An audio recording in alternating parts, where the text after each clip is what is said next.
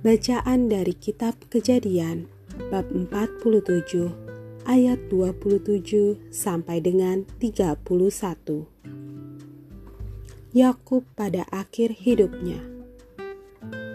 Maka diamlah Israel di tanah Mesir, di tanah Goshen, dan mereka menjadi penduduk di situ.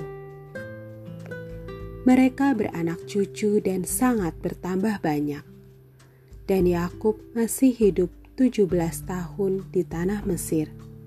Maka umur Yakub, yakni tahun-tahun hidupnya, menjadi 147 tahun.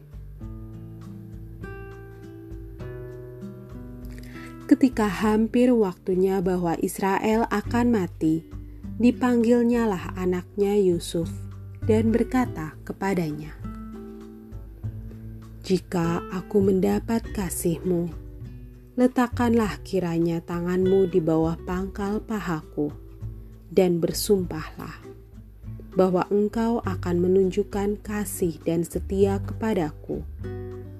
Janganlah kiranya kuburkan aku di Mesir, karena aku mau mendapat perhentian bersama-sama dengan nenek moyangku Sebab itu, angkutlah aku dari Mesir, dan kuburkanlah aku dalam kubur mereka. Jawabnya, "Aku akan berbuat seperti katamu itu." Kemudian kata Yakub, "Bersumpahlah kepadaku." Maka Yusuf pun bersumpah kepadanya. Lalu sujudlah Israel di sebelah kepala tempat tidurnya. Demikianlah sabda Tuhan.